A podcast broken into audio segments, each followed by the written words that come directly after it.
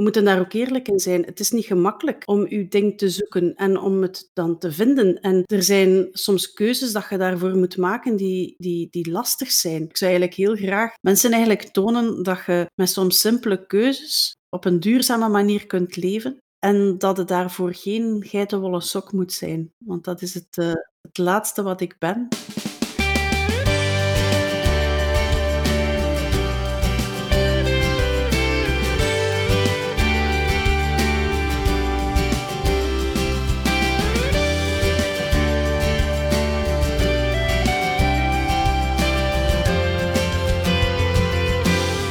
Welkom bij de Coach Jan podcast, jouw online gids naar een sprankelend en betekenisvol leven. Hey en welkom bij een nieuwe aflevering van de Coach Jan podcast. Vandaag heb ik Ilse te gast, Ilse van Eetvelde. Ilse is een hele bijzondere mevrouw, is een hele bijzondere madame, zoals ik ze zou willen noemen. Ilse is eh, van opleiding socioloog en is moeder van zes kinderen. En na een paar professionele omzwervingen is ze nu initiatiefnemer van het marketingbureau Mercus. Ilse heeft een uh, carrière in de politiek. Uh, ze is van uh, jongs af aan ja, opgegroeid in een politiek nest. Ilse heeft onder andere gezeteld in het Vlaams parlement en heeft dan uiteindelijk moeten plaatsen ruimen voor iemand anders. Ze heeft inderdaad wel wat tegenslagen te verwerken gekregen in het leven, maar is totaal niet rancuneus en is eigenlijk heel positief ingesteld, heeft altijd de blik naar de toekomst en ja, tracht eigenlijk op haar eigen manier kansen te creëren, kansen te grijpen en vooral altijd met de glimlach blijven zien wat er wel is, wat er mogelijk is. Het was een hele fijne babbel en ik laat je er graag van meegenieten. Maar voor we duiken in de podcast van, eh, van deze week, wil ik graag een kleine oproep doen. Een manier om aan mensen te laten weten dat deze podcast bestaat, is door heel simpel een review na te laten in Apple iTunes of uh, Podbean, zodat ook andere mensen deze podcast kunnen vinden. U zou me er enorm groot plezier mee doen. Dank je wel alvast. Voilà, hier komt nu het uh, interview, het gesprek met Ilse van Eetvelde. Veel plezier. Dit is de Coach Jan podcast. Dag Ilse. Dag Jan. Heel blij van u hier uh, in de podcast te hebben. We zitten nu elk in ons eigen huis, dus misschien eens vertellen van waar staat uw huis en wat doe jij zo allemaal in het leven? Waar staat mijn huis? Mijn huis staat in, uh, in Lokeren. Dat is tussen uh, Gent en Antwerpen, voor wie dat, dat niet weet liggen. Um, ja, wij wonen eigenlijk een beetje buiten Lokeren, uh, lekker rustig zou ik zeggen, en echt vlak onder de kerktoren. Ik ben een van die mensen die het geluk heeft om um, eigenlijk echt geboren en getogen te zijn op de plek waar dat ik woon. Dus ik woon hier eigenlijk al bijna heel mijn leven, een paar jaar tijdens mijn studies uh, niet te nagesproken.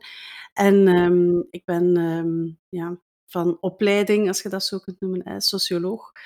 En uh, ik heb daarna mijn weg wat moeten zoeken. Ik heb daar eigenlijk ook, vind ik zelf, redelijk lang over gedaan om mijn ding te vinden in, in het leven. Um, en, uh, maar ik denk dat ik dat nu gevonden heb. Ik heb al uh, ondertussen ja, 16 jaar een eigen zaak, eigen bedrijf. Dus dat is, dat is plezant. Iets waar dat ik mijn ding in kwijt kan. En um, daarnaast heb ik ook dat vertel ik er altijd graag bij, omdat ik die ook allemaal graag zie. Heb ik ook een, een groot gezin. We hebben um, uh, ja, een nieuw samengesteld gezin. Mijn man had twee kinderen, ik had twee kinderen. En we hebben samen nog uh, daar twee kindjes bij gekregen. Zes en, kinderen? We hebben zes kinderen. Ja, maar dat is natuurlijk, die verschillen allemaal redelijk wat in leeftijd. Maar we hebben hier toch wel momenten al gehad. Allee, er, is, er zijn er altijd minstens vier in huis. En, en soms vijf en soms zes. Ja, is plezant, hè? Ja, en ik, zes kinderen, wij hebben er drie. En zo in coronatijd is dat al een hele opgave met huiswerk en met al die ja. zaken om dat hier allemaal goed te managen. Met zes kinderen, Niels. Hoe doe jij dat? Ja, um, als ik daarop terugkijk, uh, nu de oudste twee, die, die, die wonen alleen. Hè, die zijn ook uh, 27 en, uh, en 23. Dus dat is al een, andere, ja, een andere leeftijdscategorie. Um, maar als ik daarop terugkijk, zo de voorbije jaren, eigenlijk, dat is met heel veel zaken in het leven, denk ik. Je doet het, hè. Je, je probeert om er je goed ja, door te trekken, om anderen daarmee door te trekken. En het is pas als je terugkijkt dat je zegt van, ga verdikken, was toch niet gemakkelijk. Uh, dat is niet altijd gemakkelijk geweest. Hè. Dat, is ook, ja, dat zijn momenten ook dat je soms conflicten hebt. Uh, elk kind heeft zo zijn eigen specialiteit, om zo te zeggen. En uh, ja, de ene geeft al wat meer uitdaging dan de andere. Um, en ook als koppel, dat is niet altijd gemakkelijk, maar ik denk dat, ja, dat soms kwestie is van ja, een dag met een keer te nemen en, uh, ja, en toch ook goed na te denken over, over bepaalde keuzes. En altijd, dat is toch mijn insteek eigenlijk, goed te proberen voelen van ja, wat, wat, wat willen we hierin? Wat willen we echt? En mm-hmm. proberen uw antennes uit te steken, ook naar anderen toe. Ja, dus, uh... want je hebt inderdaad, allee, los van het feit dat je een heel ja, bijzonder gezin hebt met zes kinderen, um, je hebt eigenlijk ook wel zelf een heel interessant parcours afgelegd. Hè? Als je dan kijkt naar, naar je beroep en naar je studiekeuze, als ik mij niet vergis, zij de socioloog. Ja. Ja, ja je hebt in de politiek gezeten, hè? je ja, was volksvertegenwoordiger. Ja, inderdaad. Ja. Je hebt een bedrijf gehad met kleuren. Ja. Ja, ik, en nu zitten we eh, volledig in de marketing. Dus maar ja, moet je mij toch eens even uitleggen. Want ik herken het natuurlijk wel, hè, maar ik vind het wel heel boeiend. Hoe is dat gelopen? Ja, hoe is dat gelopen? Um, ik Allee, er... waar, waren dat altijd bewuste keuzes? Of, of is, het, is het een beetje zo ontstaan? Ja, er zijn dingen die, die... Ja, ik heb het daarnet aangegeven, ik heb een beetje mijn weg moeten zoeken. En als ik daarop terugkijk, uh, het is eigenlijk gek dat we er nu over spreken. Ik heb er, denk ik, ja, gisteren of van het weekend zelfs nog uh, over gesproken met, uh, met ons gezin aan tafel. Dat ik, dat ik het gevoel heb, nu dat ik veel dingen eigenlijk zo een beetje in het wilde weg heb gedaan. Een beetje heel naïef. Van ja, je doet dan maar iets. Um, en dat ik, dat ik, als ik diezelfde keuzes vandaag zou maken, goh, sommige zou ik waarschijnlijk iets bewuster uh, maken. Maar ik heb eigenlijk geen spijt van om het even welke stap die ik gezet heb. Um, ik, ik, heb denk ik, allez, als ik daarop terugkijk, ik heb eigenlijk het geluk gehad van in een, in een, in een gelukkig gezin groot te worden. Um, en er werd ook bij ons thuis veel over politiek gepraat. Dat zat zo wat in de familie. En op een bepaald moment ja, die interesse was er eigenlijk altijd. En ook de interesse in wat er gewoon in de wereld gebeurt. Dat was iets dat mij altijd ja, boeide. Ik ben gewoon enorm nieuwsgierig. En vandaag noem ik me echt een nieuwsjunkie. En dat is echt dat is een verslaving soms. Hè. Ja, daar gaan we het straks nog even over hebben. Ja, maar, ja. ja. maar is goed, op een bepaald moment um, ja, werd ik gevraagd hè, toen, als uh, jonge vrouw toen nog. En uh, ja, was heel plezant. Ik werd dan verkozen in de gemeenteraad. En dan uh, paar jaar later werd ik ook verkozen in de provincieraad daarbij. Dus dat was dan eigenlijk ook weer mm-hmm. plezant. En dan, ja, ik heb eigenlijk op een bepaald moment zo met ongeveer elke verkiezing meegedaan um, dat ik kon. En, maar dat was omdat ik dat plezant vond en omdat ik dat ook, ik vond dat zinvol op dat moment. Wat niet wil zeggen dat ik mij soms geen vragen stelde, want ik ben daarnaast ook nogal kritisch. Um, en, maar goed, op een bepaald moment uh, ja, ben ik dan eigenlijk toch in, in het parlement geraakt, in het Vlaams parlement. En, um, maar daar ben ik dan ook weer uitgeraakt. Uh, omdat, zoals dat, dat in de politiek gaat, er iemand anders in mijn plaats moest een plaats krijgen. Zo gaat dat. Um, en dat was toch wel iets waar dat ik even mijn wonden van moeten uh, likken heb. Hè. Dat was niet zo evident. Als je daar jaren mee bezig bent, ja, dat was zo toch wel... Dat je ook... Je betrekt je gezin daar ook in. Hè. Ik was ondertussen mm -hmm. ook op dat moment gescheiden. Dus dat was ook weer zo. Rond mijn dertig heb ik echt een kruispunt in mijn leven gehad, waarop dat ik uh, toch wel serieus me afvroeg van, ja, wat is het nu eigenlijk dat ik wil? Gelukkig dan een nieuwe partner ontmoet en zo zijn eigenlijk beetje bij beetje zo die puzzelstukjes in elkaar gevallen. Maar dat is niet, dat is niet evident eigenlijk. Hè. Um, dus om terug te komen op uw vraag, is dat altijd allemaal bewust geweest? Niet altijd 100%, maar ik ben iemand die altijd nogal volgens haar een buik geleefd heeft. Dus als ik het voelde, dan, uh, dan, dan nam ik, dan, dan waagde ik de sprong gewoon. En ja, uh, ja laat ons zeggen, af en toe wil dat zeggen dat je wel een keer ergens tegenaan botst waar dat je liever niet had tegengelopen. Maar uh, Ja. al bij al, ik ben een tevreden mens met mijn ervaringen tot nu toe. Hè. Ze zeggen over de politiek dat dat een hele harde wereld is en dat dat Mm. niet altijd zo'n mooie wereld is. Is dat, is dat ook uw ervaring? Ja, vrienden maakt je daar volgens mij niet echt. Ehm, ondertussen ben ik wel weer een beetje actiever geworden in, in de politiek, deze keer bij een andere partij. Ehm, maar dat ik mij beter bij voel. Maar dat wil niet zeggen dat ik daarom ook daar niet kritisch kan zijn. Mhm. En ehm, ik heb ook lang gedacht dat, eh, dat was in mijn, eh, mijn jeugdjaren, hè, dan dacht ik van, goh, politiek, dat is toch wel de manier om zinvol bezig te zijn in de wereld en om eigenlijk je steentje bij te dragen. En ondertussen ben ik er gelukkig wel achter gekomen dat dat absoluut niet het geval is. Eh, er zijn vele manieren waarop dat je kunt bijdragen aan een samenleving. En ik denk dat we daar deze dagen eigenlijk een mooi voorbeeld van hebben. Hè. Uh, de luierikken die op de zetel lagen vroeger, dat zijn nu de redders van het vaderland. Dus uh, dat is door gewoon niks te doen of soms gewoon. Ah, ja, zo, ja, ja, ja. Ja, hè. ja, ja, ja, ja. Gaan zo was aan het denken van... over wie het. Nee, nee. je waart ook echt naar mij aan het kijken, zo precies oh, nee, alsof dat je... Nee. Jan, de laatste dat ik denk dat een luierik is, zei jij. Dat weet Nee, je nee. wel. Maak een grapje. Nee, ja, tuurlijk. Maar uh, nee, het is... Het is um... Allee, er zijn verschillende manieren waarop dat je een stuk je steentje kunt verleggen in de rivier. En ja, iedereen moet zo wat zijn eigen steentje gaan, gaan zoeken. En Ja. ja, er, zijn, er zijn verschillende manieren en ik ben daar eigenlijk Mhm. heel blij voor. Hè. En Ja. het ene is ook niet beter dan het andere. Nee. En ik vind het heel interessant dat je het zo benoemt, omdat ja, deze podcast, podcast gaat over een sprankelend en betekenisvol leven. hè. Dus eigenlijk zitten we hier nu bezig rond het thema betekenisvol leven. En Mhm. de vraag dat ik mij stel, en misschien weet jij dat als socioloog, hè, ehm, is dat iets waar dat elk mens mee bezig is volgens u, om, om zijn leven zin te geven? Want dat is wat dat je zegt. Hè? Je Mhm. zegt van als kind, als 14-jarige, keek ik naar de politiek en was dat Mhm. mijn idee om mijn steentje bij te dragen, om zinvol bezig te zijn, iets te doen Ja. voor de maatschappij. Mhm. Denk jij dat iedereen zo ineen zit? Of? Ehm, ik denk dat, volgens mij, maar goed, dat is mijn overtuiging, ik denk dat iedereen fundamenteel de, zo in elkaar zit. Maar Mhm. ik denk ook dat, ehm, we moeten daar ook eerlijk in zijn, het is niet gemakkelijk om uw ding te zoeken en om het dan te vinden. En er zijn soms keuzes dat je daarvoor moet maken die, die, die lastig zijn.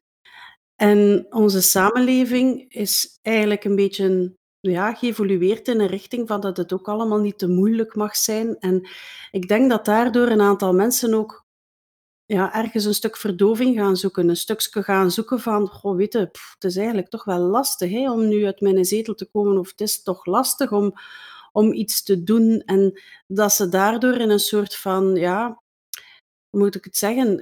Ik zou, vroeger zou ik gezegd hebben een tv-coma, maar vandaag kun je het Hm. ook een sociale media-coma noemen. Uh, maar je ziet dat mensen toch ook dikwijls een stuk vluchten in, in dat soort afleiding in plaats van echt actie te gaan nemen. En we moeten daar ook eerlijk in zijn. Vandaag, um, dat is dan een stuk mijn vakgebied, Jan, je weet dat. Um, alles waar rond marketing draait, maar marketing is gericht op, op eigenlijk die afleiding uh, te bieden. Hè. Dat is ook de, de algoritmes van Facebook, van LinkedIn, van Instagram zijn erop gericht om ons daar zo lang mogelijk te houden. En um, de ene mens zal daar al uh, gevoeliger voor zijn dan de andere. En daar spelen ook fysiologische processen natuurlijk een, uh, een Mhm. rol. Maar um, ik geloof wel dat, dat mensen op zoek zijn naar zingeving. Maar ja, de ene heeft daar misschien zo wat meer. Ja, het moet ook op een goede grond vallen natuurlijk. Hè. Je moet ook Mhm. het geluk hebben om je daarmee te kunnen bezighouden. Als je elke dag moet, uh, moet vechten om je een boterham te verdienen, Met uw boterham verdienen kun je toch ook iets doen voor de maatschappij? Allee, ik vraag me echt af of dat iedereen de intentie heeft om echt iets goed te doen voor de maatschappij. Ik denk dat sommige mensen zichzelf heel goed kunnen wijsmaken dat ze iets voor de samenleving aan het doen zijn. Hè. Zo is er Mhm. ook een categorie en uh, het is mijn, mijn specialisatie niet gelukkig. En gelukkig ben ik ook zo nog niet zoveel mensen tegengekomen in het leven, maar ik heb bijvoorbeeld heel veel narcisten die er rondlopen. Hè? Mensen die eigenlijk echt wel serieuze persoonlijkheidsstoornissen hebben. Ehm, en, en die categorie, daarbij kunt je afvragen van, zijt wilt je zinvol bezig zijn? Maar goed, Mhm. ehm, ik, ik, ga, ik geloof in het goede. Ik ga, het, Ja. ik ga het zo zeggen. Ik geloof in het goede. Ik geloof dat de meeste mensen op zoek zijn naar een stuk vervulling. En ik denk dat die vervulling gemakkelijker is voor iemand die bijvoorbeeld ehm, ja, wat meer vrijheid heeft in, zijn- in zijn job dan ehm, iemand die een godganse dag hè, ehm, tussen eh, enorme luidruchtige machines aan de band moet gaan staan. Mhm. Ja. Dan is die vervulling veel moeilijker. En, allee, ja, ik kan het me voorstellen, ja. Ja. En als je nu kijkt naar je eigen leven, wat geeft uw leven vervulling? Oh. Ehm, dat is een hele mooie vraag. En eh, eigenlijk is dat het begin van een eindeloze opsomming. Elke dag is voor mij eh, iets om blij voor te zijn. Ehm, ik, ik, het is heel, allee, ik doe dat heel vaak in de dag. eh, als het ergens wat tegen zit of zo, dat ik probeer om mijn zegeningen te tellen. S'avonds ook. hè. Er is zo'n oud-Vlaams spreekwoord. Het is goed in het eigen hart te kijken, s'avonds voor het slapen gaan. Maar ik probeer dat toch wel te doen. Ehm, en, en ik probeer naar het eh, halfvolle glas altijd te kijken.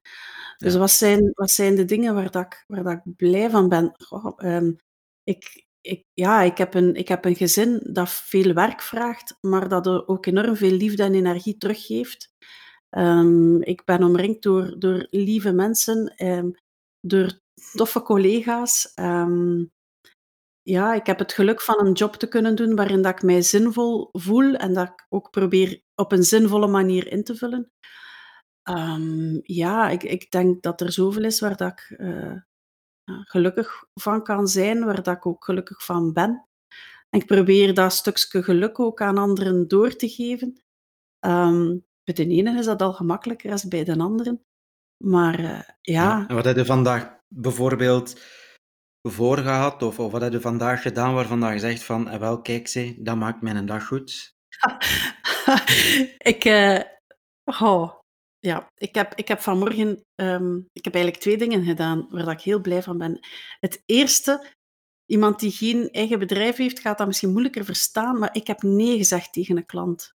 En dat was, was een moeilijke, ehm, omdat iets is, een bedrijf waar dat ik heel erg in geloof, dat ik denk van ja, maar dat ik voelde van, dat leidt hier tot wederzijdse frustratie, ehm, waarbij dat je voelt van, ik kan hier ook mijn, niet mijn beste kunnen meer geven. En dan heb ik op een bepaald moment heb ik toch ja, een streep daaronder getrokken. En dat is voor mij wel goed, omdat dat iets is dat ik heb moeten leren. Ik ben iemand die altijd ja zegt. Hè, en Mhm. ik heb geleerd van wat meer nee te zeggen. Ehm, maar een beleefde en toffe manier. Hè. Dus dat is niet dat er daar... eh, ja, dat dat op een lelijke Ja, manier. Nee zeggen betekent ook altijd ja zeggen tegen iets. Hè? Dus je hebt eigenlijk nee gezegd tegen die klant, maar misschien wel ja tegen, andere tegen klanten. jezelf, tegen andere andere klanten. klanten. Voilà, ja. Ja, Ja. ja. dus dat was eigenlijk wel heel tof. En het, het tweede dat ik dan gedaan heb vandaag is eh, iets dat ik al lang wilde doen. Een, een, ja, zo op mijn sociale media weer een filmpje maken, een paar slides maken over iets heel fundamenteel van wat is marketing. Dus he- heel eenvoudig uiteindelijk, maar iets waar dat ik heel veel plezier aan heb en waarvan dat ik ook merk en, en dan de reactie krijg van hey, tof en interessant. En dat zijn Mhm. dingen die plezant zijn, dat je mensen eigenlijk kunt eh, inspireren en ehm, ja, ja dat maakt inspireer mij dan eens, Ilse. Wat is marketing? Wel, mijn, mijn filmpje ging eigenlijk over een, een circus. Hè. Dus wat is marketing? Eh, een circus komt naar een stad en als je een bord maakt waarop dat staat, hè, het circus komt vandaag, dat is eigenlijk adverteren wat dat je dan doet. Als je dan je eh, bord dat je gemaakt hebt, dat je geschilderd hebt, als je dat dan op een olifant hangt en je gaat met die olifant gaat je rondrijden in ehm, de stad, dan is dat promotie. Als je de olifant door de bloemen laat lopen van de burgemeester, dan is dat publiciteit als de krant erover schrijft.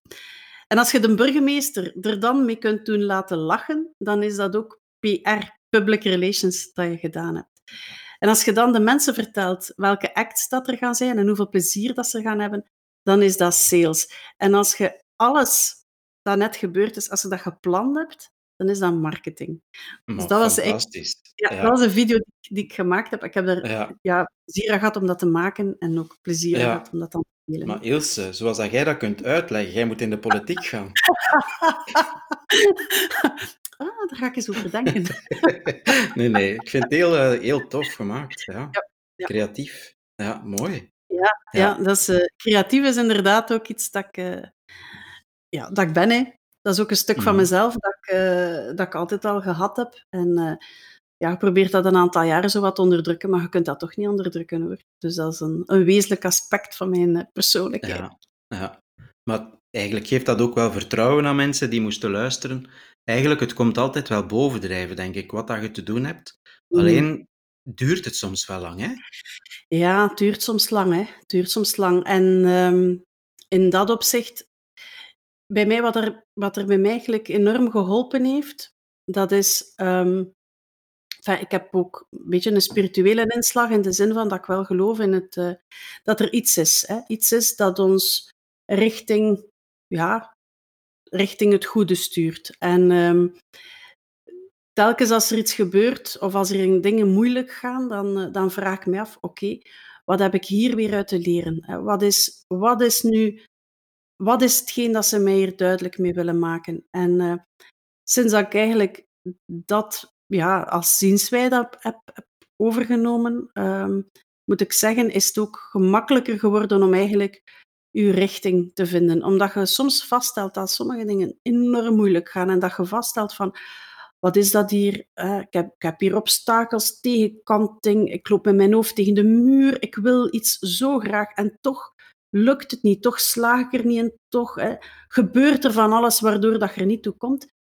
En misschien betekent dat wel gewoon dat dat uw weg niet is, maar dat je dat zelf niet wou zien. En als er dingen gemakkelijk gaan, dan is dat eigenlijk om blij van te zijn, want dan voelde ook dat je in de goede richting zit. En dat is Ja, wat mij daarbij enorm heeft ja, geholpen eigenlijk. ja. Dus ik, ik hoor u eigenlijk zeggen, als je merkt dat het echt een opdracht wordt, dat het niet lukt, dat er deuren gesloten blijven, dat je eigenlijk u overgeeft aan het lot, om het zo te zeggen, of, of Ja. aan wat dat er ook is, om dan eigenlijk te zeggen van, kijk, oké, dit laat ik los en ik geef mij nu over aan dat wat er dan wel makkelijker loopt. Ja. Ja, dat is juist. Maar ehm, het enige waar dat ik dan altijd voor waarschuw, hè, ik heb niet te waarschuwen Mhm. natuurlijk, maar het mag nooit resulteren in eh, zomaar even leidzaam zitten eh, wachten, het visualiseren, denken, oh, als ik mij hier te pletter mediteer, gaat het wel eh, op mij afkomen. Nee, er moet ook gewoon hard gewerkt worden voor sommige dingen. Maar als je hard werkt, dan, eh, dan, dan geeft je datgene wat voor u te wachten staat, eigenlijk de kans Mhm. om binnen te komen.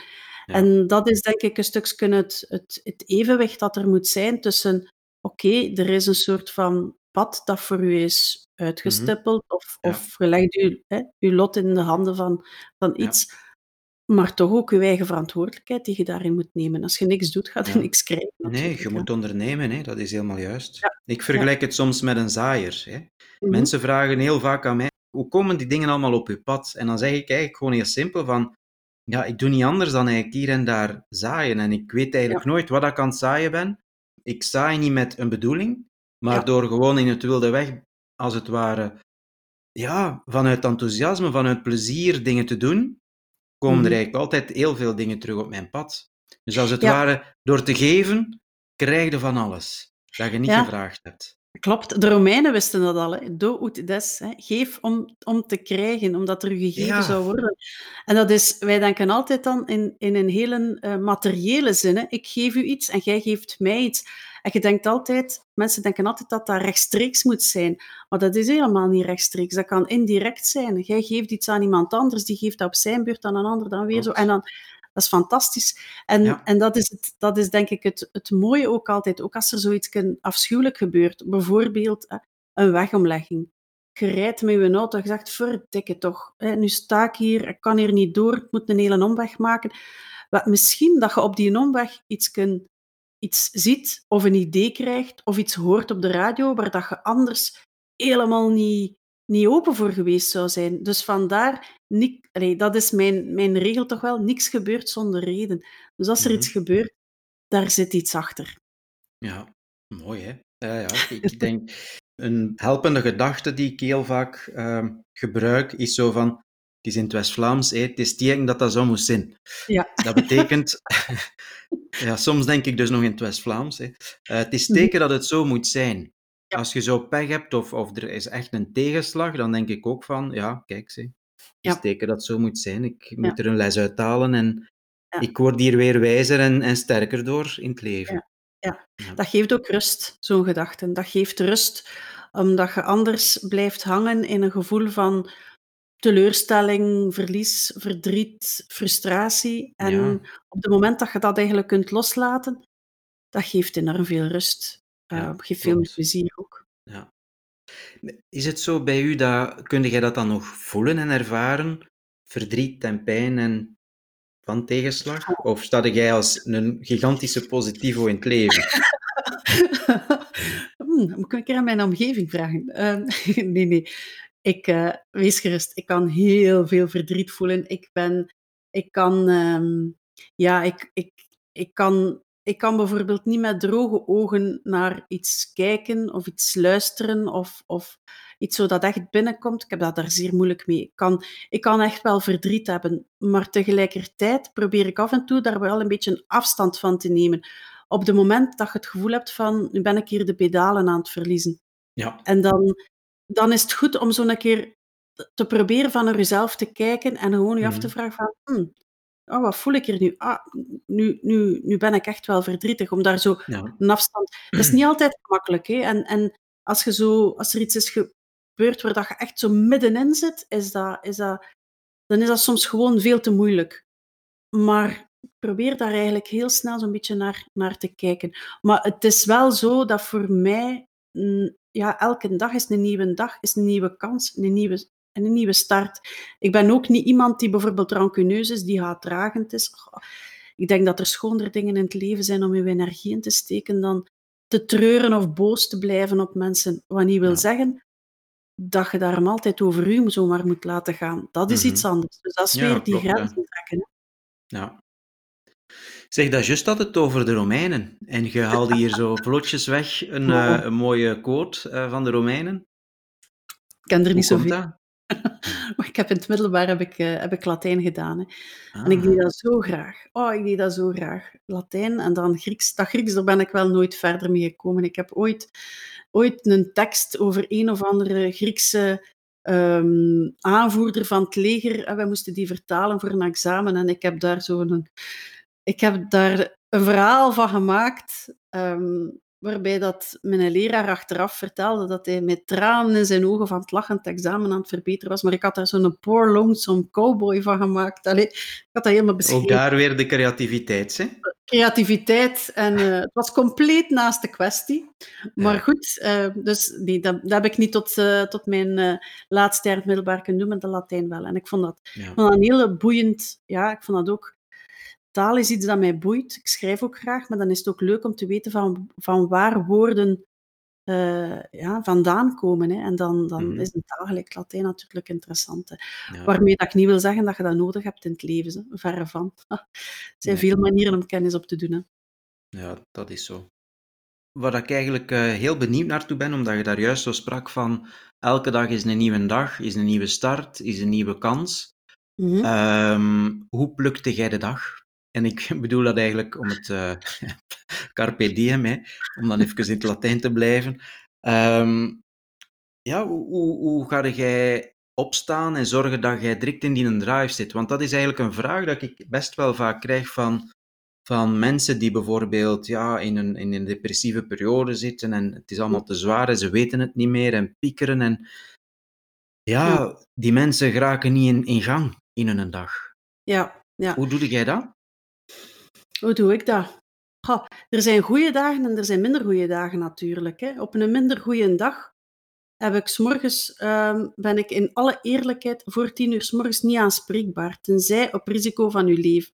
Dat wil zeggen, ik sta op, ik drink ook geen koffie of thee, hè, dus uh, ik drink alleen water, melk en wijn. Oh, dat is een beperkte keuze, natuurlijk. En in welke volgorde?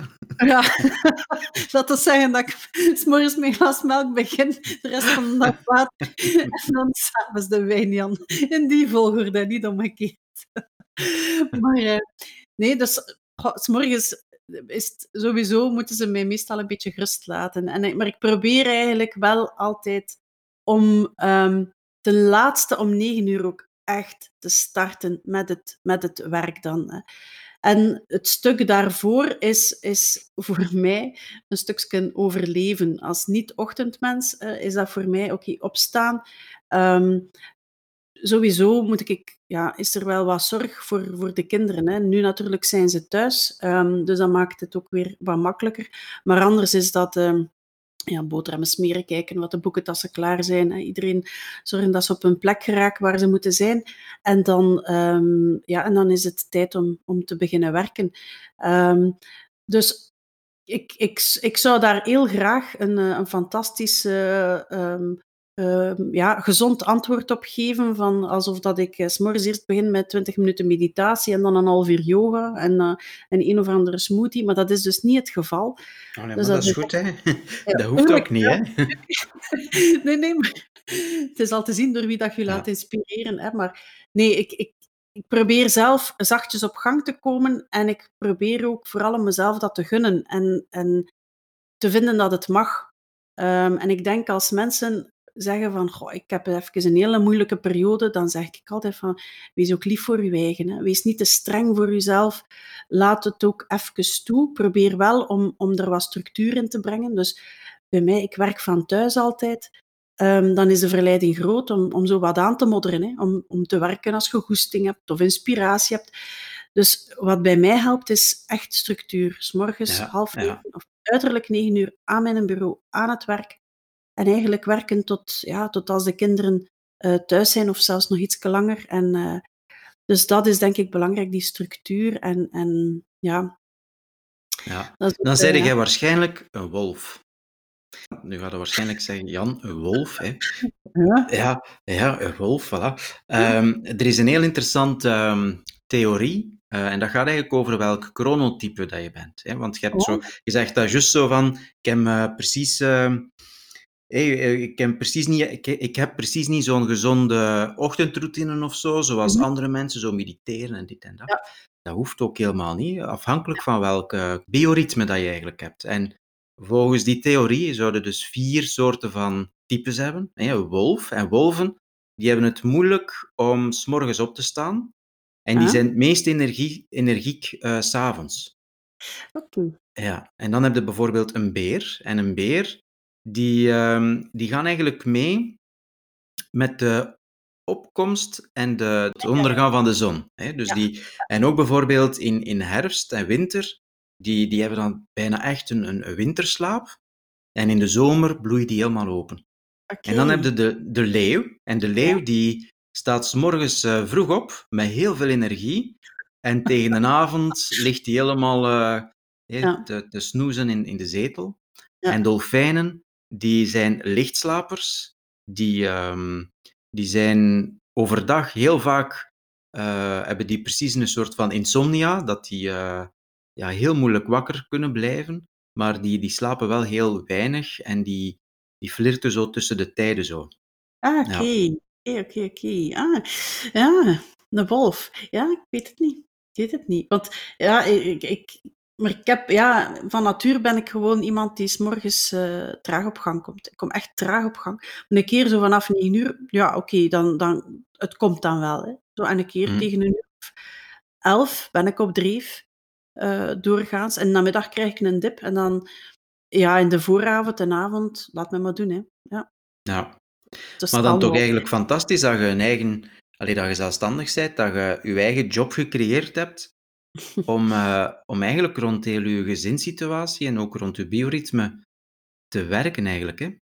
Ja, ja, ehm, maar dat is niet altijd niet altijd evident, hè, want uiteindelijk in een schooljaar, dat weet jij ook, hè, zijn er ook veel vakanties, pedagogische studiedagen, ehm, je hebt ook het weekend en ik moet moet zeggen dat, ja, als de kinderen thuis zijn nu zijn ze ietsken ouder, dat scheelt, ehm, maar dat was toch niet altijd evident om om daar dan ook te zijn, omdat je dan toch soms met een beetje frustratie rondloopt van: "Goh, ik heb dat niet kunnen afwerken, ik heb dat niet kunnen doen zoals ik het wilde, hè, dat is een opportuniteit." Ehm, ik heb bijvoorbeeld in de voorbije jaren eigenlijk nooit van die netwerkevents bijgewoond, terwijl dat ik weet dat sommige collega's die afdwijlen van hier tot ginter. Ehm, ik heb dat eigenlijk nooit gedaan. Ik heb ben ook niet echt iemand die die daar nu op kikt, ver van, want dan zou ik het misschien wel gedaan hebben.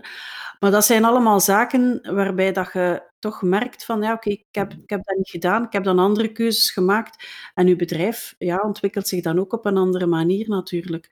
Maar ik ben, ik ben heel blij met de manier waarop dat ik ehm, ja, effectief mijn, mijn leven en mijn werk eigenlijk heb kunnen een stukje in elkaar vlechten.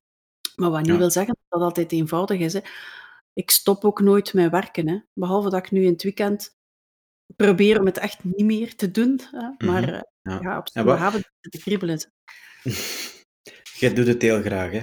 Amai.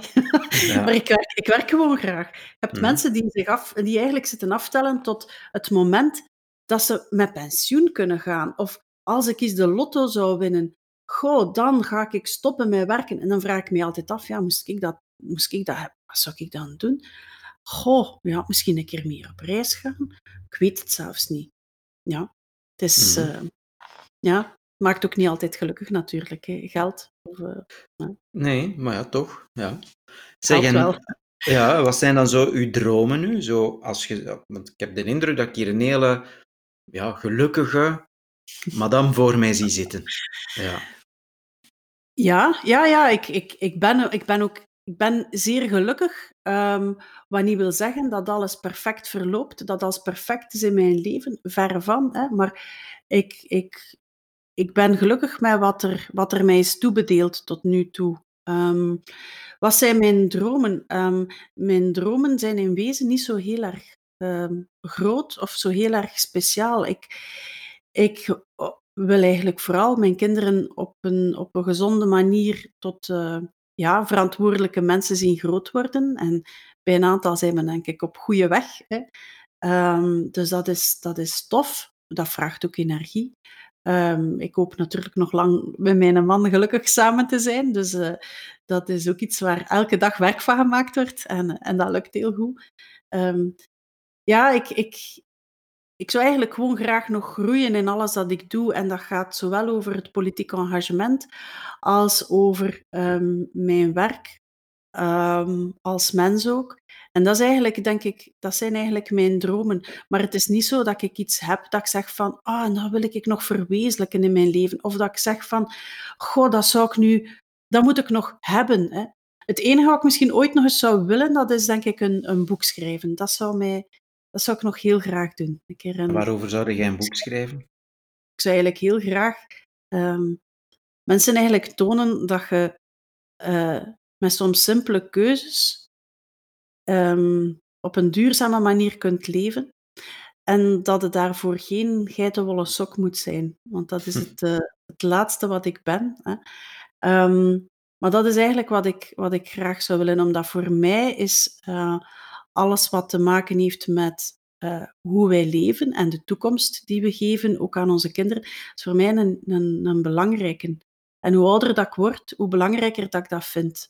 Ehm, en ja, dan doet mij dat ook echt pijn als ik zie dat mensen dat weglachen, daar onverschillig tegenover zijn. Ehm, ik heb dat daar heel moeilijk mee, terwijl het uiteindelijk te gemakkelijk is om tegen mensen te zeggen van: "Ja, jij met je geitenwolle sokken en ja, het zal wel zijn." Ehm, dat is ook een een manier om om er niks aan te moeten doen en jezelf ook geen vragen te moeten stellen over over wat uw steentje in de rivier Mhm. is.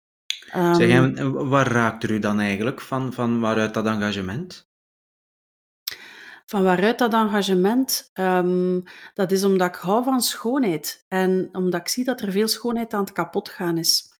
En omdat ik ook een een enorm geloof heb in, ehm, wij zijn een een deel van de natuur en we voelen dat eigenlijk aan den lijve. We moesten er Mhm. niet de coronacrisis voor hebben, eh, maar we voelen dat aan den lijve. Wij zijn een deel van de natuur en we zijn dat een stukje kapot aan het maken.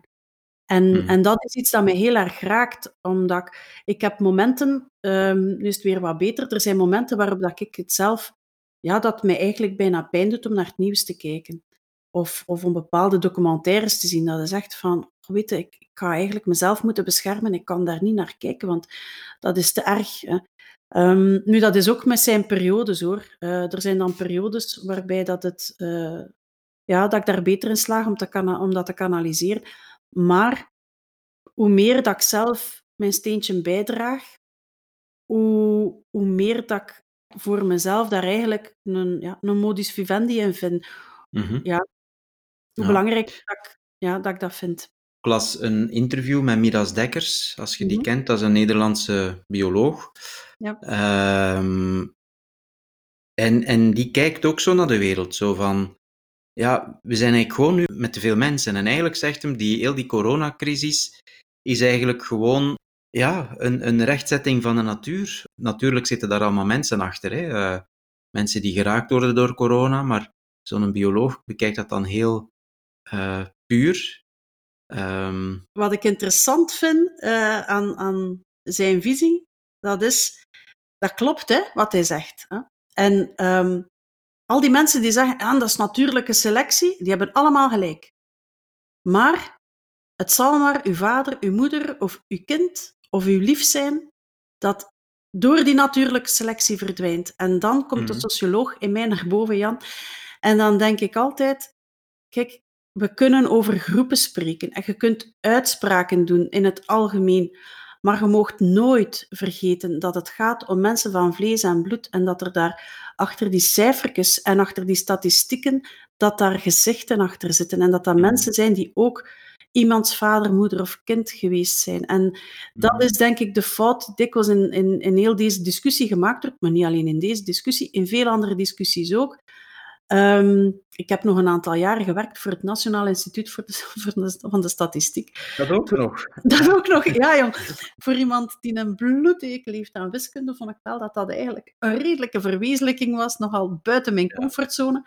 Maar, ehm, nu ik dus ik weet als, ex-statisticus, eh, ik weet echt, we kunnen met statistieken alles bewijzen, maar Ja. daar zitten gewoon mensen achter. En dat is denk ik wat in heel deze discussie vaak uit het oog verloren wordt. Dus natuurlijk, Ja. Midas Dekkers kan dat zeggen als bioloog en hij heeft daar puur wetenschappelijk heeft hij daar allicht wel gelijk in. En als wij gaan kijken op basis van, hè, misschien binnen binnen 100 jaar dat ze dat gaan kunnen, eh, zeggen van kijk eens, toen hebben we eindelijk die dip gehad of die knip gekregen in de bevolkingsgroei. Kan best zijn, maar op dit Mhm. moment is er vooral een menselijk leed dat telt in mijn ogen. Ja, tuurlijk. Ja. Ja.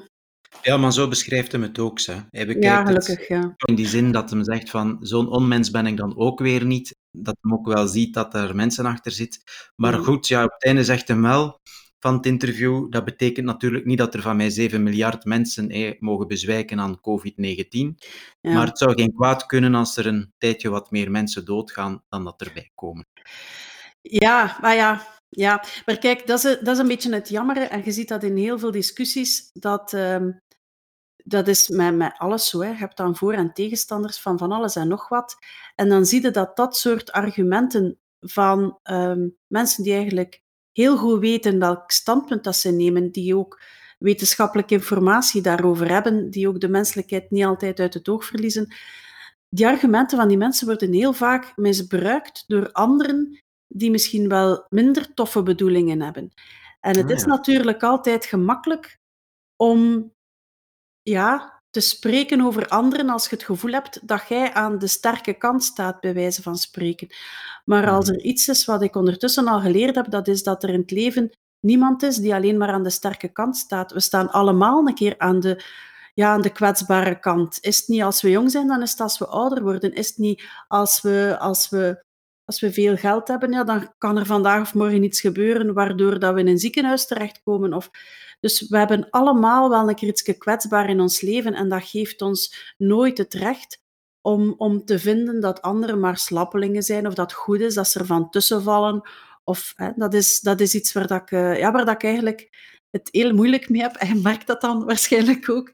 Dat is bij mij mijn rechtvaardigheidsgevoel dat dat naar boven komt. Ehm, ja, ik vind, dat, eh, ik vind dat zeer moeilijk. Als mensen zomaar oordelen over een ander, zonder in die schoenen gestaan te hebben.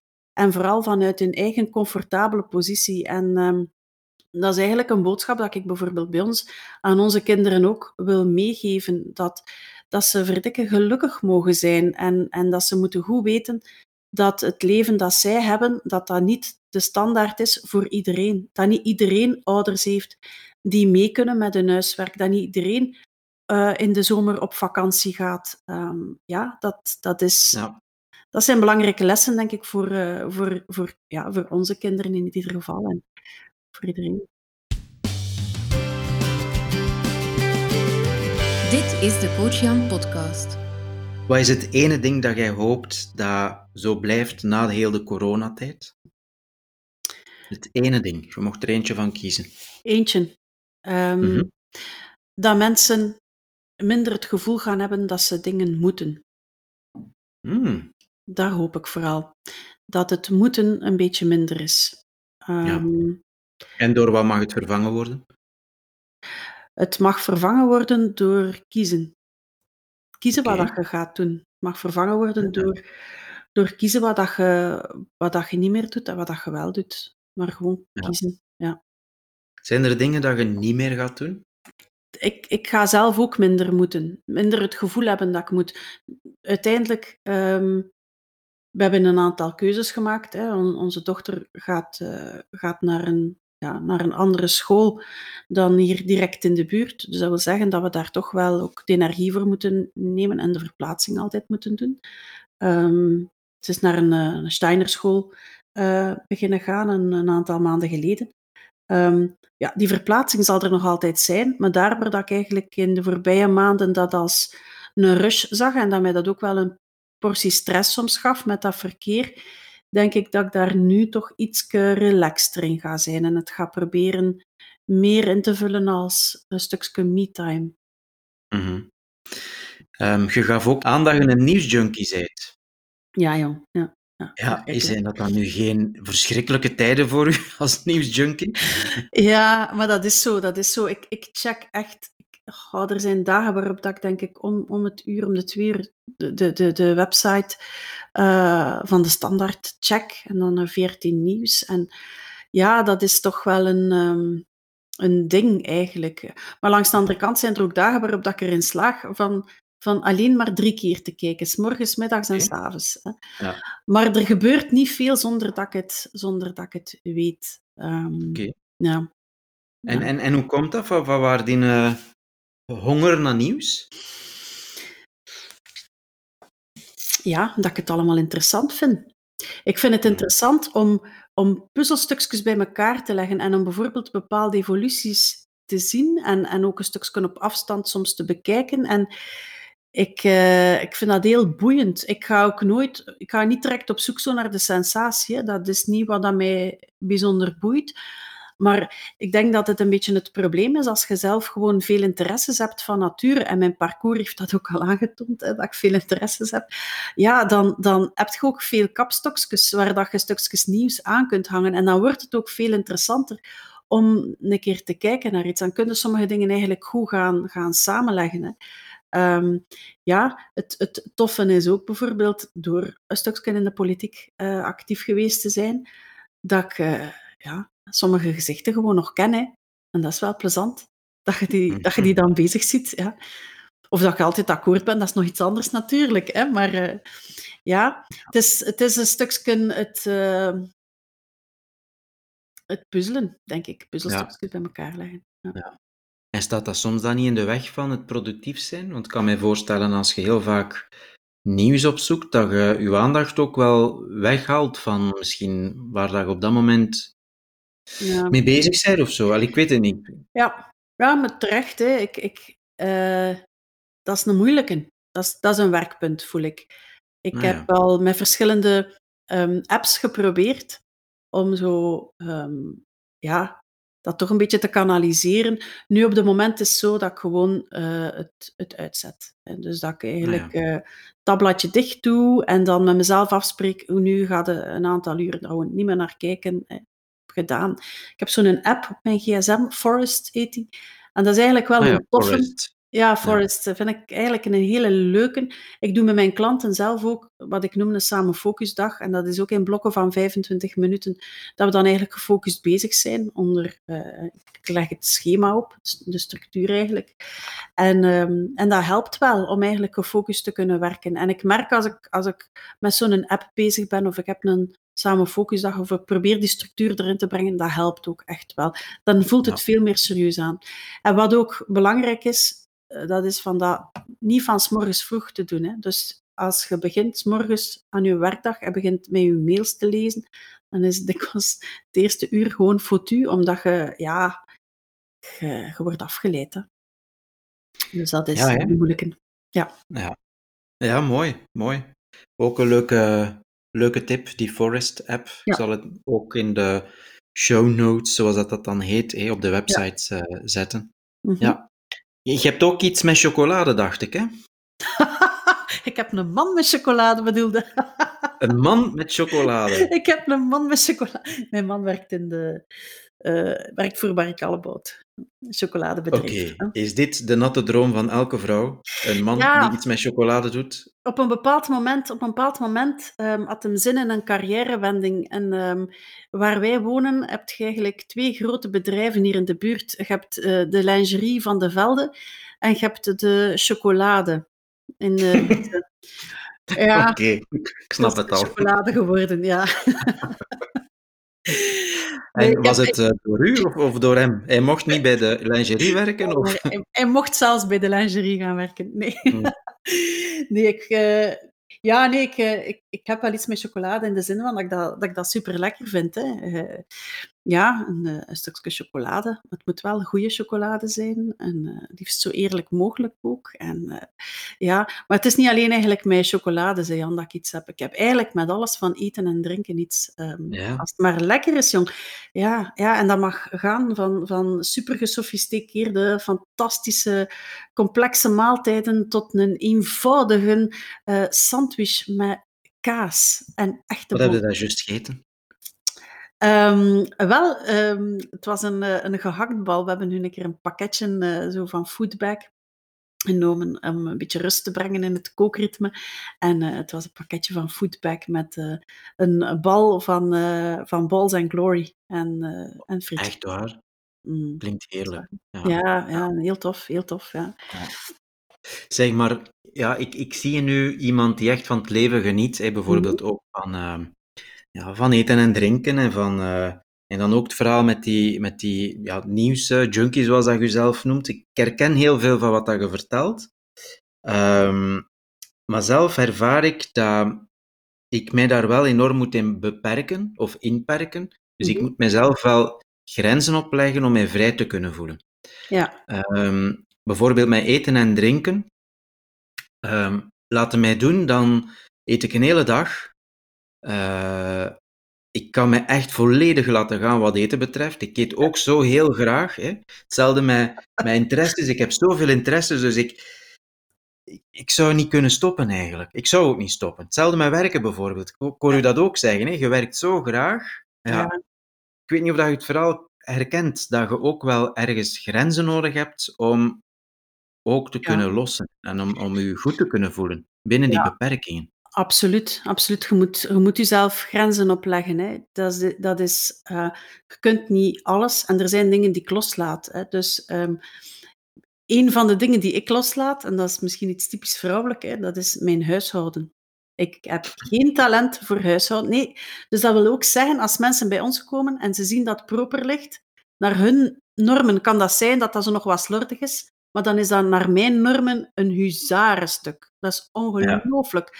Dat kost zoveel moeite en ja, dat zit, dat zit er ook in. Dus ik heb dat een, een stuk ook losgelaten. Hè? Zo van, God moet, ja, nee, het is, bij ons kunnen niet van de vloer eten. Hè? We eten ook nog altijd aan een tafel, gelukkig.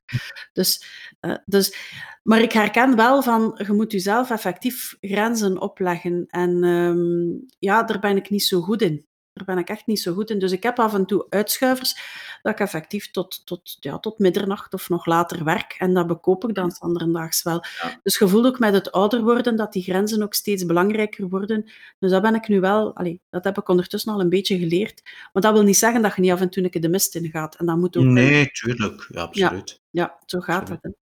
Hè. Ja. Zeg, wat heb jij eigenlijk met Google Earth? Marianne, je hebt uw research goed gedaan, jong. Google Earth, dat is nu een keer echt mijn, uh, mijn guilty pleasure. Ja. Als het Heb je al gekeken hoe dat ik woon? Nee, nee, nee, nee, nee, dat heb ik nog niet gedaan. dat is wat ik doe, hè. dat is als het huis stil is, s'avonds, en iedereen is gaan slapen. En ik ik weet dat ik eigenlijk ook naar boven moet. En dan zet ik de computer aan en dan kijk ik op Google Earth en dan geef ik iets in waarvan dat ik denk, daar wil ik nu een keer naartoe gaan kijken. En dat kan heel dichtbij zijn.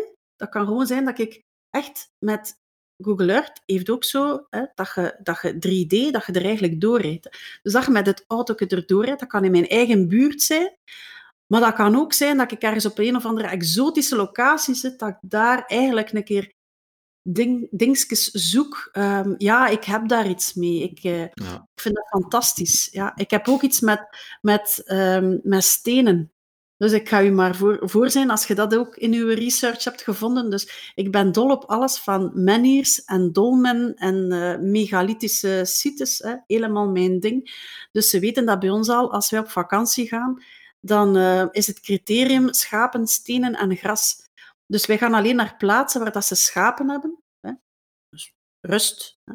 Waar dat veel gras is ook, om die schapen eten te geven. En waar dat ook veel stenen staan. Dus van die uh, ja, megalithische sites. En um, ja. dat vind ik fantastisch, ja. Ik weet niet of dat er iets is wat dat jij nog heel graag wilt, uh, wilt meegeven of, of vertellen. Of, of iets waar ik op voorhand van dacht, oh ja, als ik in de Coach Jan podcast ben, dan wil ik dat zeker ook wel nog, uh, nog vertellen. Um, ik Nee, ik, ik, ik denk dat ik eigenlijk verteld heb of antwoord gegeven heb op de vragen die je gesteld hebt. Ik ben, ik ben gewoon super blij met uw, met uw podcast op zich. Ben ook super vereerd dat ik hierin mag zitten, Jan. Uh, je weet dat ik, of je weet dat niet, maar dan weet je het nu, hè, dat ik toch altijd eigenlijk echt wel naar u al heb opgekeken, want ik volg je ook al heel lang en we kennen elkaar ook al lang.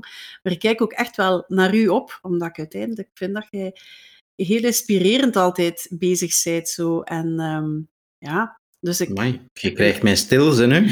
Ja, maar ik meen dat ook. Ik meen dat ook. Mm, um, dat is een mooi compliment, dank ja, u. Ja, je bent een hm. van de mensen die mij enorm inspireert uh, en, en aan wiens woord ik uh, zeer veel waarde hecht. Ik hecht aan iedereen zijn woorden waarde, maar bij sommigen nog wat meer als bij een ander. Hm. Dus uh, voilà. In die categorie Allee, zit je bij mij, Jan. Ja. Amai, en wel, het is wederzijds. Hè. Dank u wel, dank u wel. Ja. Merci voor het gesprek. Ik vond het heel fijn. Ik vond, uh, vond het leuk om met je te spreken. En uh, ik heb er veel uit geleerd. Ik denk dat de luisteraar uh-huh. ook, uh, dat ook inspirerend zal zijn voor de mensen thuis allee, die luisteren. En uh, voilà, ik hoop uh, van elkaar binnenkort wel nog eens tegen te komen. Ja, absoluut, absoluut, absoluut. En is het dat we dan nog niet live elkaar mogen ontmoeten, dan zal het online zijn, hè Jan? Ja, voilà. Dank u wel voor het gesprek. Zal u zijn. Bedankt. Dag. Dit was de Coach Jan podcast. Reageren op deze aflevering kan via www.coachjan.be podcast. Vond je dit een goede aflevering? Dan stellen we jouw waardering en beoordeling in iTunes op prijs. Dit zorgt er mee voor dat ook andere mensen deze podcast vinden. Bedankt voor het luisteren en vergeet niet, maak er een sprankelende en betekenisvolle dag van.